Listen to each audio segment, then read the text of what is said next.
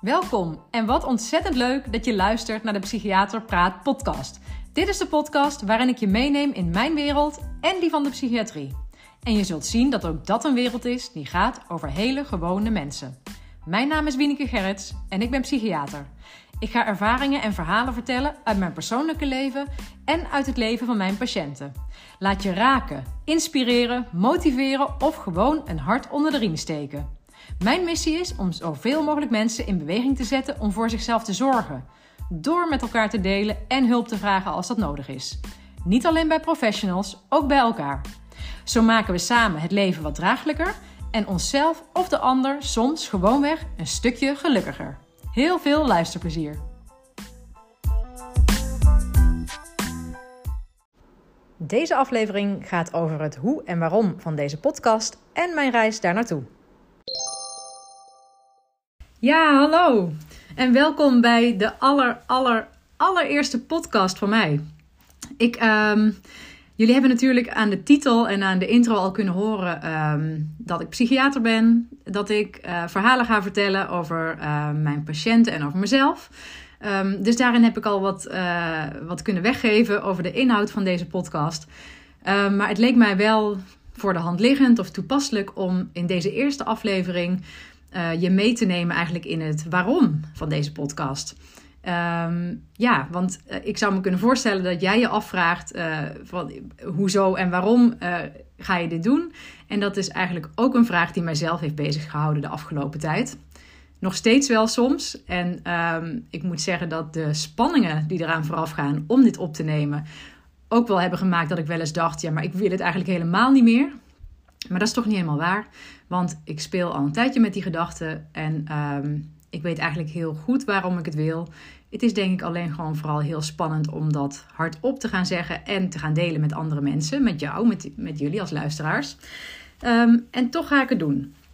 Um, ja, wat doe ik hier? Het is voor mij denk ik het meest uh, logisch om te beginnen bij het afgelopen jaar, 2022.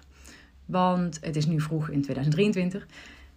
Want 2022 is voor mij toch wel een jaar geweest ja, waarin uh, ja, het woord verandering uh, wel uh, van toepassing is. Um, daar begint het verhaal, mijn verhaal natuurlijk niet pas. maar het is volgens mij een goed punt om te starten. In 2022 besloot ik namelijk om um, mijn baan, die ik als psychiater in loondienst had, op te zeggen. Ik, halverwege het jaar ging ik met mijn leidinggevende om de tafel en uh, ja, besprak ik met haar van ja, het is, het is nodig of ik kies ervoor om deze baan te stoppen, want het gaat niet meer. Het, uh, het lukt niet, het gaat niet goed. En uh, ja, voor degenen die mij niet kennen, vraag je natuurlijk af hoezo. Nou ja, wat daar eigenlijk weer voorkomt, is dat ik in, moet ik even goed nadenken, in de herfst van 2021 uiteindelijk te horen heb gekregen van uh, het UWV dat zij mij volledig arbeidsongeschikt verklaarden. En daar was ik, dat klinkt misschien raar, maar daar was ik toen heel erg blij mee. Um, want uh, het was al anderhalf jaar daarvoor, in de zomer van 2020, dat ik um, die verklaring, hè, of eigenlijk die, die, uh, die arbeidsongeschiktheidsuitkering um, aanvroeg omdat ik uh, mijn werk door fysieke problemen helemaal niet meer heel goed kon, uh, kon uitvoeren. Um, vanuit die arbeidsongeschiktheid ben ik niet uh, gestopt met werken. Dat hoeft ook niet. Ik krijg heel vaak die vraag van... ja, maar als je arbeidsongeschikt bent, mag je dan nog wel werken? Ja, natuurlijk mag je werken. dus dat heb ik al die tijd ook gedaan, maar steeds in, in, in minder grote omvang eigenlijk. Nou, en om dit een beetje toe te lichten, hoe dit dan allemaal is gekomen, of, of waar, dat nou, uh, waar die ongeschiktheid nou uit bestond, ga ik terug uh, naar, uh, naar privé, naar mijn gezin. Mijn man en ik besloten, nou, nu ongeveer tien jaar geleden, dat we graag kinderen wilden, of dat we gingen proberen om die te krijgen. En nou, wij zijn ook zo gezegend dat dat is gelukt en dat we drie hele fijne en gezonde kinderen ehm, aan ons gezin hebben kunnen toevoegen. Uh, maar daar is wel, ja, daar ligt ook een beetje het startpunt van, um, ja, van mijn eigen problemen eigenlijk, van mijn beperkingen. En uh, nou ja, heel kort gezegd, uh, iedere zwangerschap had ik last van pijnklachten in mijn bek- en heupregio. En dat werd bij iedere volgende zwangerschap een stuk erger dan in de vorige. En aanvankelijk werd steeds gedacht dat dat, ehm, wat in de volksmond bekkeninstabiliteit heet, dat dat het was. En, um, maar mijn herstel was iedere keer trager. Ik had ook een grotere mate van beperkingen. Um, zodat ik ja, in mijn derde zwangerschap eigenlijk fysiek, ja, ik, ik, heb zelf heel vaak gezegd, ik was gewoon, uh, ik was gewoon kreupel. Ik was gehandicapt. Ik, uh, ik kon eigenlijk helemaal niets doen. En nu, nu zeg ik het even heel luchtig en makkelijk, maar waarschijnlijk als ik iets meer inzoom op de details daarvan, dan, dan ga ik ook daar weer meer bij voelen. Dat was echt vreselijk. Maar um, ja, dat kon ik eigenlijk iedere keer heel goed aan, volhouden, omdat er hoop was en perspectief. Want de, ik was natuurlijk bij allerlei mensen, uh, kreeg ik behandeling, werd ik begeleid. En um, overal kreeg ik eigenlijk te horen van, dit wordt weer beter. Dit, uh, soms duurt het herstel wat langer, maar gemiddeld genomen, of nee, niet gemiddeld genomen, maar uiteindelijk is na een jaar uh, 98% van zijn klachten af. Zoiets dergelijks, geloof ik. Dus dat vertrouwen had ik. En daar keek ik naar uit. En het was me eigenlijk ook wel waar dan. Ik bedoel, als het dan zo mocht zijn dat ik daar blijkbaar meer dan gemiddeld last van had, vond ik dat eigenlijk best wel te dragen. In de wetenschap dat ik daarna, als het goed is, gewoon een, een kindje op de wereld ging zetten. Mijn kindje. En, um, en als het dan daarna uh, nog wat langere tijd nodig had dan gemiddeld, vond ik dat ook niet erg. Dat was me echt allemaal gewoon heel erg de moeite waard. Want ja, ik kan me niet. Ik heb volgens mij eigenlijk, voor zover ik me kan heugen, gewoon een kinderwens gehad. En um, nou ja, en nog steeds, ik ben echt zielsgelukkig dat ik een gezin heb van vijf nu. Samen hè, met mijn man en onze drie kinderen. En, um, maar, ja, het ging dus niet over. En ja, dat was, daar, ja, ja, dat was ronduit gezegd gewoon ellendig. Ik kan het eigenlijk niet anders zeggen.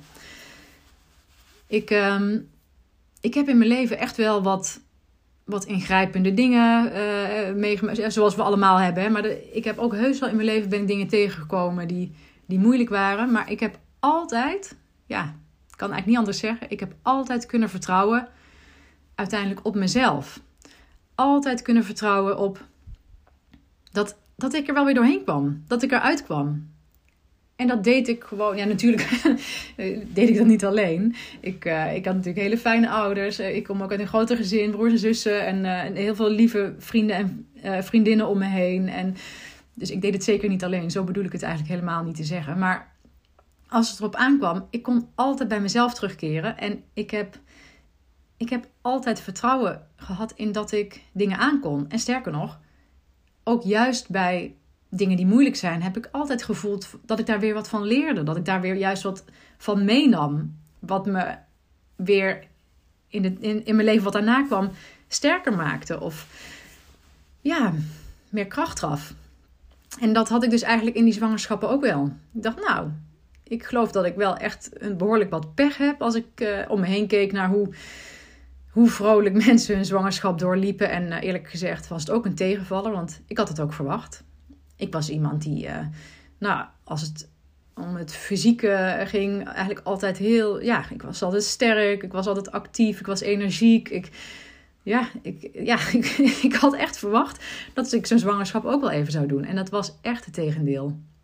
Ik heb echt zo ontzettend veel moet, me moeten aanpassen aan uh, wat ik fysiek ja, eigenlijk niet meer kon. En ik zag mensen om me heen die dat wel deden. En nou, gelukkig heb ik niet echt me daar heel erg jaloers op gevoeld. Maar het deed wel zeer. Het was gewoon. En ik herinner me ook nog dat een, uh, een, moeder van een vriendin van mij die ik sprak, en die ken ik al echt al van, vanaf heel jong. Uh, die, die kwam ik tegen en ik geloof dat ik uh, 16 weken zwanger was of zo. En dat ze zei: Oh, dan begint nu echt een leuke periode. Want nu heb je weinig klachten en uh, is het nog niet zo zwaar. En dat ik ongeveer door de grond zakte, omdat ik dacht, ja, dat is weer zo'n aanname. Die geldt voor, gold voor jou misschien. Maar bij mij was het, ik was al aan het aftakelen. Ja, ik gebruik misschien zware woorden, maar ja, nou ja, dat zijn de woorden die ik ervoor kies. Ik was fysiek alweer aan het aftakelen. En ik wist, want dat was geloof ik in mijn tweede zwangerschap dat ik dit hoorde, misschien mijn derde, ik weet het niet meer. Ik wist gewoon dat het niet beter ging worden en alleen maar slechter en minder. En toch kom ik weer een beetje terug. Ik wist dat ik dat aankon. Ja, ik, ik, ik heb altijd kunnen bouwen op mezelf. En ja, dat, dat deed ik nu ook. En dat, dat was ook geen wassen neus. Dat was ook echt zo. Ik, ik had ook heel veel verdriet, ja. En ik was in die tijd ook heel veel alleen. Want ik, ik, uh, nou, ik weet het nog precies. In mijn eerste zwangerschap werd ik op driekwart met verlof gestuurd bij 30 weken door de bedrijfsarts. Was niet in mij opgekomen, maar ik ging daarheen omdat ik pijnklachten had. En die zei: Jij gaat vandaag naar huis en je komt de rest van je zwangerschap niet meer terug. En dat, dat was een zegen. Daar heb ik ook echt moeten leren om dat uiteindelijk beter, beter zelf te kunnen doen. Maar in mijn tweede zwangerschap heb ik het volgehouden tot de helft. En ook dat was eigenlijk al oprekken, omdat ik dacht van ja, maar ik, ik wil het en ik moet het toch ook. En ik voel me verantwoordelijk voor mijn patiënten. En nou ja, toen heb ik wel zelf, uh, en natuurlijk met de bedrijfsarts wel samen besloten uiteindelijk, maar zelf gezegd bij 20 weken van dit, ja, nu gaat het niet meer. Ik kan niet meer in de auto zitten naar mijn werk. En, ehm, en de hele dag zitten, dat deed veel te veel pijn. Dat ging gewoon niet. En bij de derde zwangerschap, ja, was ik op een kwart. Ik was tien weken zwanger en toen hield het al op. Toen was ik echt, ja, ik, ik vond het echt geïnvalideerd. En ik had toen ook al twee kleine kindjes. En ehm, ik had enorm veel hulp nodig thuis. Dat was, nou, ik, uh, ik vertelde dat ik uit een wat groter gezin kom. En een van mijn zusjes is in die tijd echt. Jeetje, ja, het emotioneert me echt.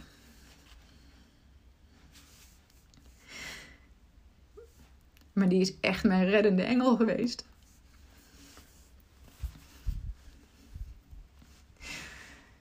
Ja, ik had echt heel veel hulp nodig. Mijn zusje die, die bleef twee nachten per week slapen. Want mijn man werkte ook nog. Die werkte vier dagen per week uh, buitenshuis.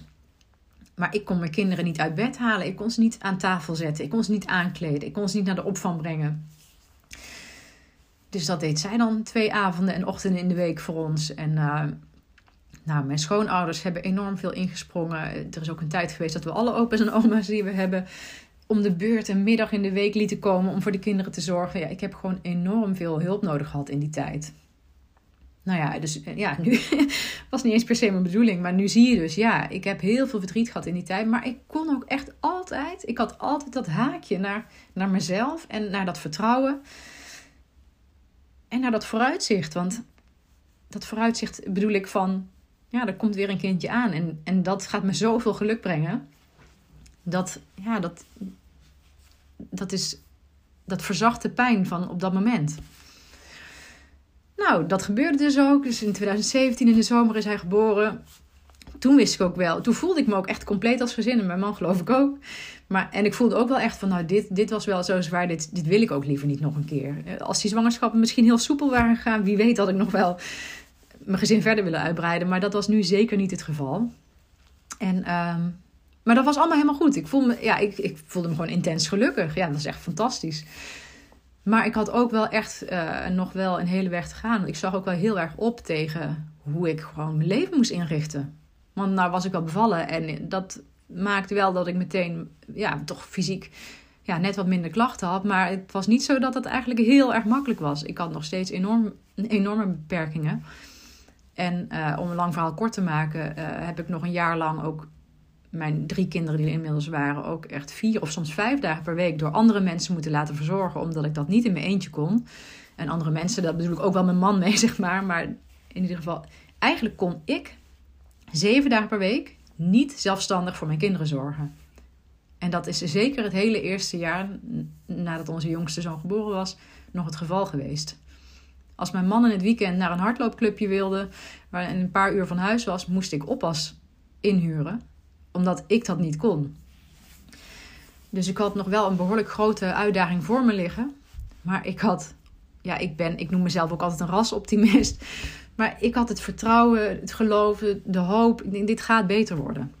Dus um, ik begon wel met wat minder uren werken. En dat heb ik geleidelijk aan uitgebreid. Uh, totdat ik ja, toen de jongste een jaar oud was, ook wel, geloof ik, weer al mijn uren aan het werk was. Ik werkte toen 30 uur per week. Maar eigenlijk terugkijkend, en dat weet ik nu, die wijsheid had ik toen gewoon nog niet. Ik was, ja, ik heb ook gewoon veel moeten leren over mezelf. Ehm, eigenlijk was ik nog verre van hersteld. Want thuis was het dus, zoals ik net benoemde, nog helemaal niet in de balans zoals ik zou willen. Mijn man en ik hadden ooit afgesproken, of ik wilde heel graag dat uh, onze kinderen maximaal drie dagen per week door anderen zouden worden opgevangen of verzorgd. En uh, nou, door de week hadden we besloten dat ik dat twee dagen zou doen. En het weekend waren wij samen. En zo wilde ik het. En zo was het in die tijd nog helemaal niet.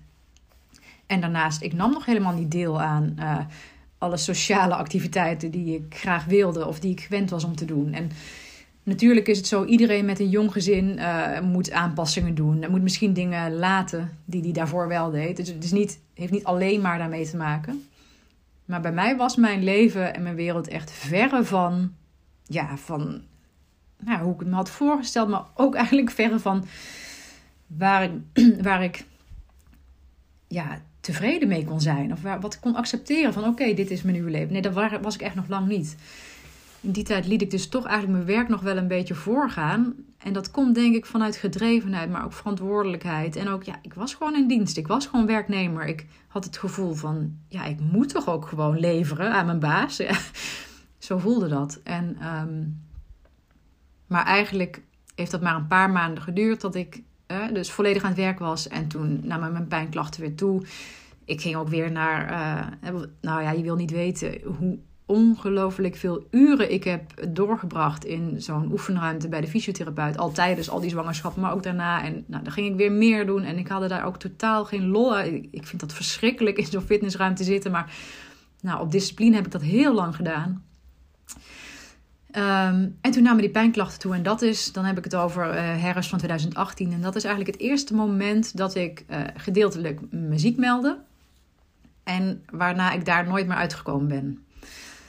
Um, dus ja, dat begon volgens mij met de helft ziek melden. Toen weer wat opbouwen. Na drie kwart van mijn uren. Toen was dat weer te veel. Moest weer minder werken. En op een gegeven moment ben ik er een, heel, ja, een tijdje uit geweest. Een paar maanden om een revalidatiebehandeling te volgen voor die, uh, voor die pijnklachten. Dat, dat verlichtte wel. Maar toen ik mijn werk weer ging oppakken, kwamen die klachten eigenlijk net zo hard weer terug. Nou ja, dus, uh, en dan betekent het als je op een bepaald moment richting de twee jaar gaat, dat je gedeeltelijk of geheel bent ziek gemeld, dat je werkgever niet meer verplicht is om je door te betalen. Dus dat je bij het UWV een uitkering kunt aanvragen. Dat heb ik gedaan.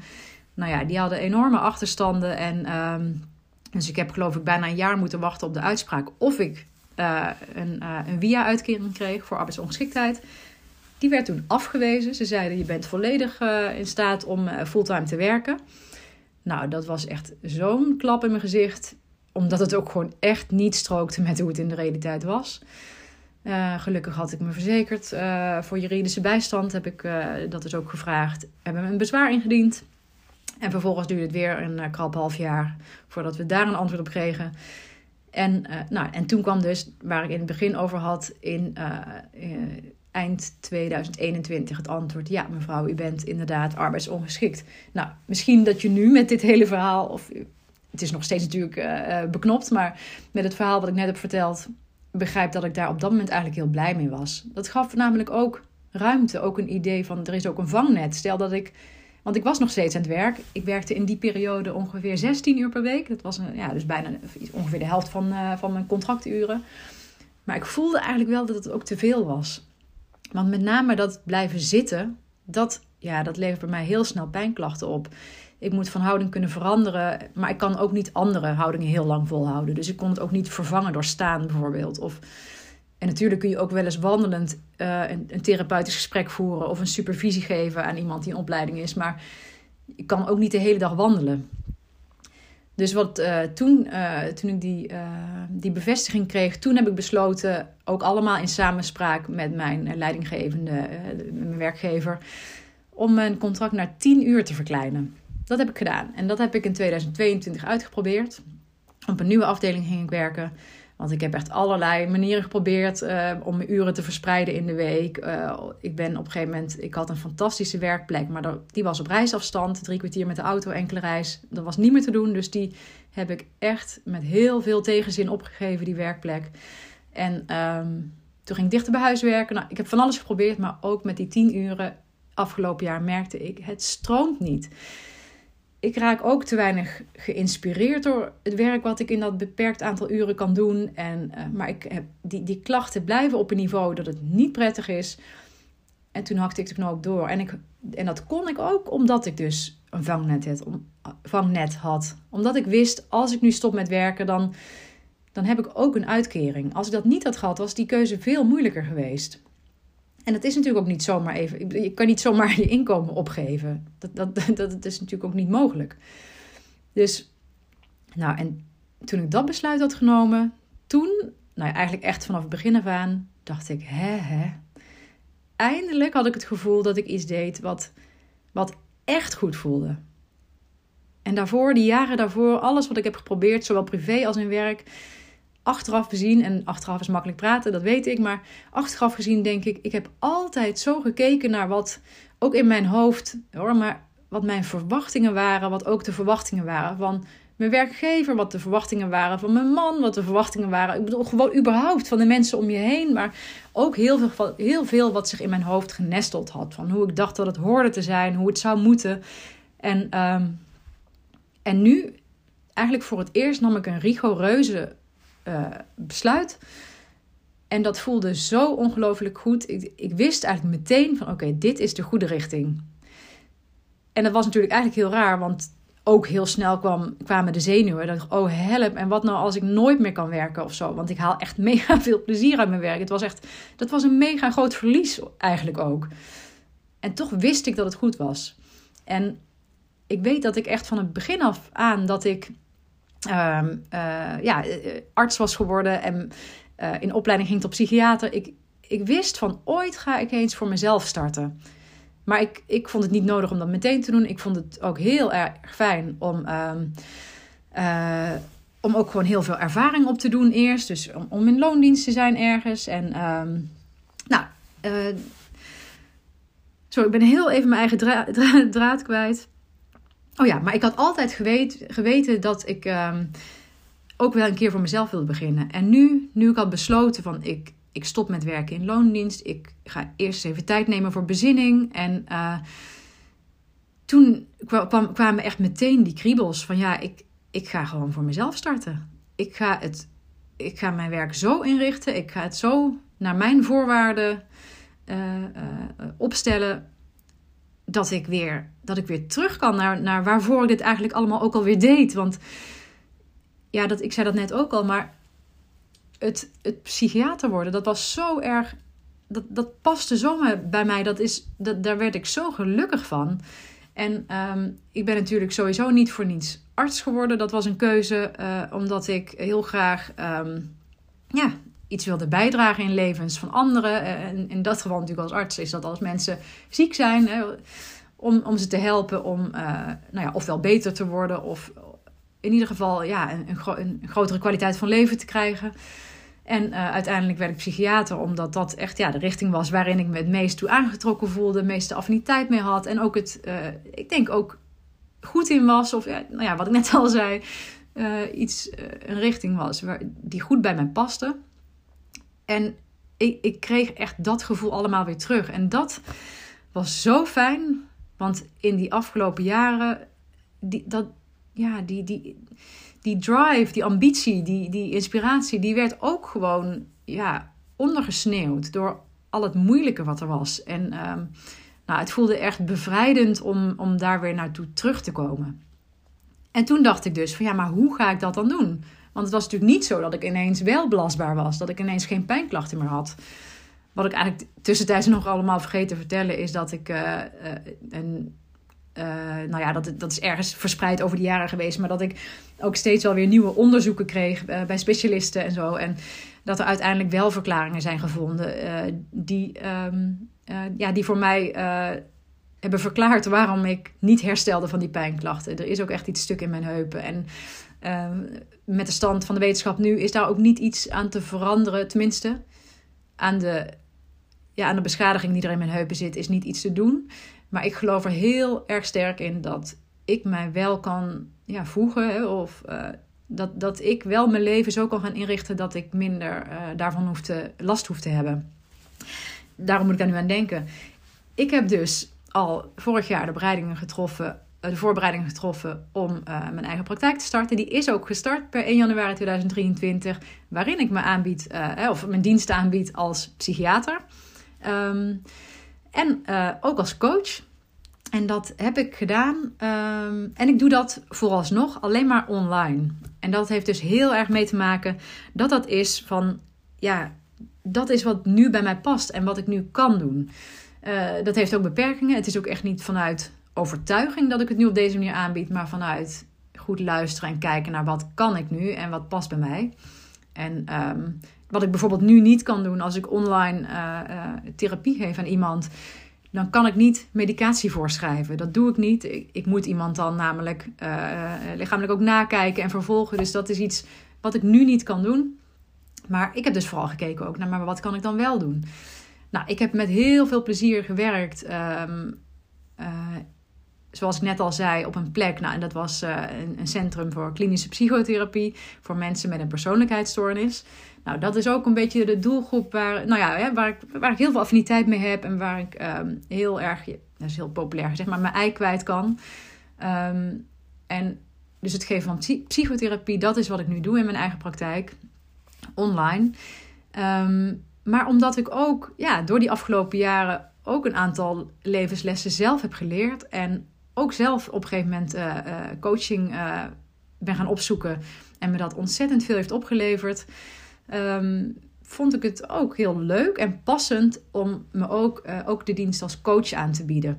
Dat is in mijn beleving, of zo zie ik het, ook laagdrempeliger. Het zijn vaker kortere trajecten dan bijvoorbeeld de psychotherapeutische trajecten van behandeling bij patiënten. En um, ja, dat, ik, ik, dat zijn daar, daarin begeleid ik de mensen zoals ik zelf. Dat, dat je iets tegenkomt in je leven. In, in mijn geval had ik daar ook niet voor gekozen. Maar het kan ook zijn dat je iets, hè, dat je een nieuwe carrière kiest in je leven. Of inderdaad een gezin start en daar tegen dingen aanloopt die je van tevoren niet had voorzien. En, en, en toch struggelt met hoe je een nieuwe weg moet vinden. Nou, dat, ik vind het ook heel erg leuk om daarin met mensen mee te wandelen. En nou ja, met mijn kennis en ervaring als psychiater uh, denk ik dat ik daar ook een nou, ook een, een mooie invalshoek biedt voor coaching. Dus dat is wat ik doe. Poeh, ik zie dat ik al 26 minuten aan het praten ben. Dat is ontzettend lang. Ik wil het langzaamaan ook wel gaan afronden. Maar nou heb ik eigenlijk nog helemaal niet verteld waarom ik een podcast aan het opnemen ben. Maar dat past eigenlijk wel in die lijn.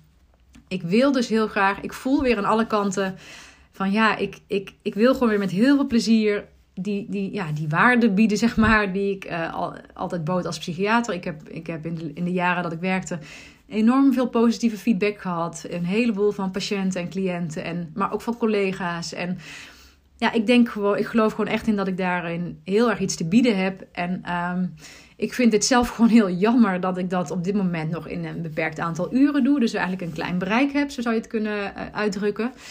En um, ja, ik zou gewoon heel graag willen dat ik in een nieuwe manier, en dat is een zoektocht, en daarin zal ik jullie meenemen, maar dat ik op een nieuwe manier ook mensen kan bereiken. Misschien niet in de traditionele vorm van één op één uh, uh, in sessies uh, met een patiënt werken, maar ja, ook op andere manieren mensen bereiken. Ik bedoel, en de scheidslijn tussen patiënt en mens hoeft van mij, wat mij betreft niet zo strak getrokken te worden.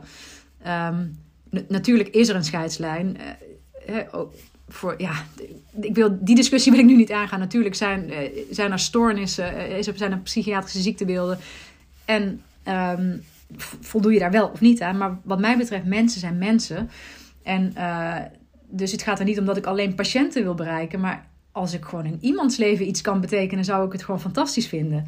En dat is de reden waarom ik deze podcast um, ja, nu ben gestart eigenlijk.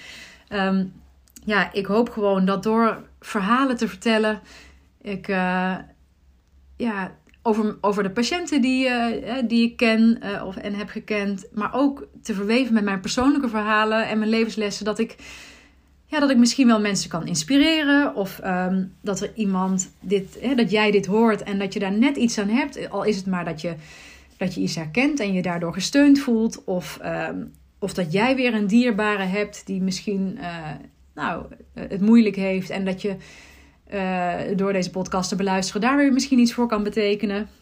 Um, ja, dat zou ik gewoon echt fantastisch vinden. En ja, er rust ook gewoon nog echt veel stigma op, ehm, op de psychiatrische patiënten, op de psychiatrie, op de geestelijke gezondheidszorg, ook op zijn medewerkers. Ik, gelukkig zie ik om me heen al enorm veel voorbeelden van mensen die, um, die daar openlijker over zijn. Die, hè, er wordt veel meer geschreven, verteld, gefilmd over, over psychisch lijden. En dat vind ik, uh, ja, dat, ben, maakt me echt heel gelukkig dat ik dat zie. En als ik een, als ik een onderdeel mag zijn van die groep die ik eigenlijk net omschrijf, hè, van het gewoon meer open zijn en meer praten over uh, dit thema, dan, en ik daarmee ook maar een beetje zou kunnen helpen om dat stigma wat, uh, wat te verkleinen. Ja, dan word ik gewoon echt enorm gelukkig. Ja, ik kan het eigenlijk niet anders zeggen. Ik denk als we met z'n allen voor elkaar mild kunnen zijn en, en ons kunnen richten op de verbinding met elkaar en niet, niet, niet, niet de afstand, maar dat we samen ook gewoon het leven wat kunnen verlichten en misschien wel wat mooier maken. Nou ja, ik denk dat ik het vandaag, voor vandaag hierbij ga laten. Um, ik vond het onwijs spannend om te doen. Ik, uh, ik, ik ben wel heel blij dat ik het heb gedaan. Ik, ik denk dat ik het uh, met helemaal geen plezier ga terugluisteren. Lijkt me eigenlijk verschrikkelijk om te doen, maar ik ga het wel even doen, want ik wil natuurlijk weten hoe dit, hoe dit heeft geklonken. Maar ik wil uh, in de eerste plaats heel erg jou bedanken dat je nu echt al een half uur naar mij hebt zitten luisteren. Want ja, als je dit hoort, ben je op dit punt gekomen. Ik vind het echt ongelooflijk fijn dat je, dat je hebt geluisterd. Um, ik ben ook heel erg benieuwd wat je ervan vindt. Uh, dus je mag, als je dat zou willen, uh, mij dat laten weten. Je kunt mij een uh, mailtje sturen via, um, Je kunt me ook vinden op Instagram onder mijn naam, Wieneke-gerrits. Of op LinkedIn, ook onder mijn eigen naam. In we website ben ik aan het maken, maar die is nog niet in de lucht. Dus daar zal ik je wel van op de hoogte houden. Daar kun je dan nog meer informatie over mij vinden en over mijn diensten. Maar uh, dus mocht je me iets willen laten weten hoe je dit hebt gevonden, dan uh, doe het alsjeblieft. Want uh, dat geeft mij misschien ook weer een beetje richting hoe ik mijn volgende afleveringen ga invullen. En je mag me ook altijd vragen stellen trouwens. Dus als je iets meer wil weten op diezelfde kanalen, benader me maar. Ik, ik, ik beloof, ja, tenzij ik nou overspoeld word door reacties, maar nou, laten we daar niet meteen van uitgaan. Ik beloof dat ik daar altijd op zal reageren. Maar goed, voor vandaag laat ik het hierbij. Onwijs bedankt dat je er was. En uh, ik ga nog meer afleveringen maken. Dus wie weet, tot de volgende. Dag! In deze eerste aflevering van de Psychiater Praat podcast heb ik je een inkijkje gegeven in het, mijn leven van de afgelopen paar jaren en heb ik je verteld waarom ik deze podcast ben gestart.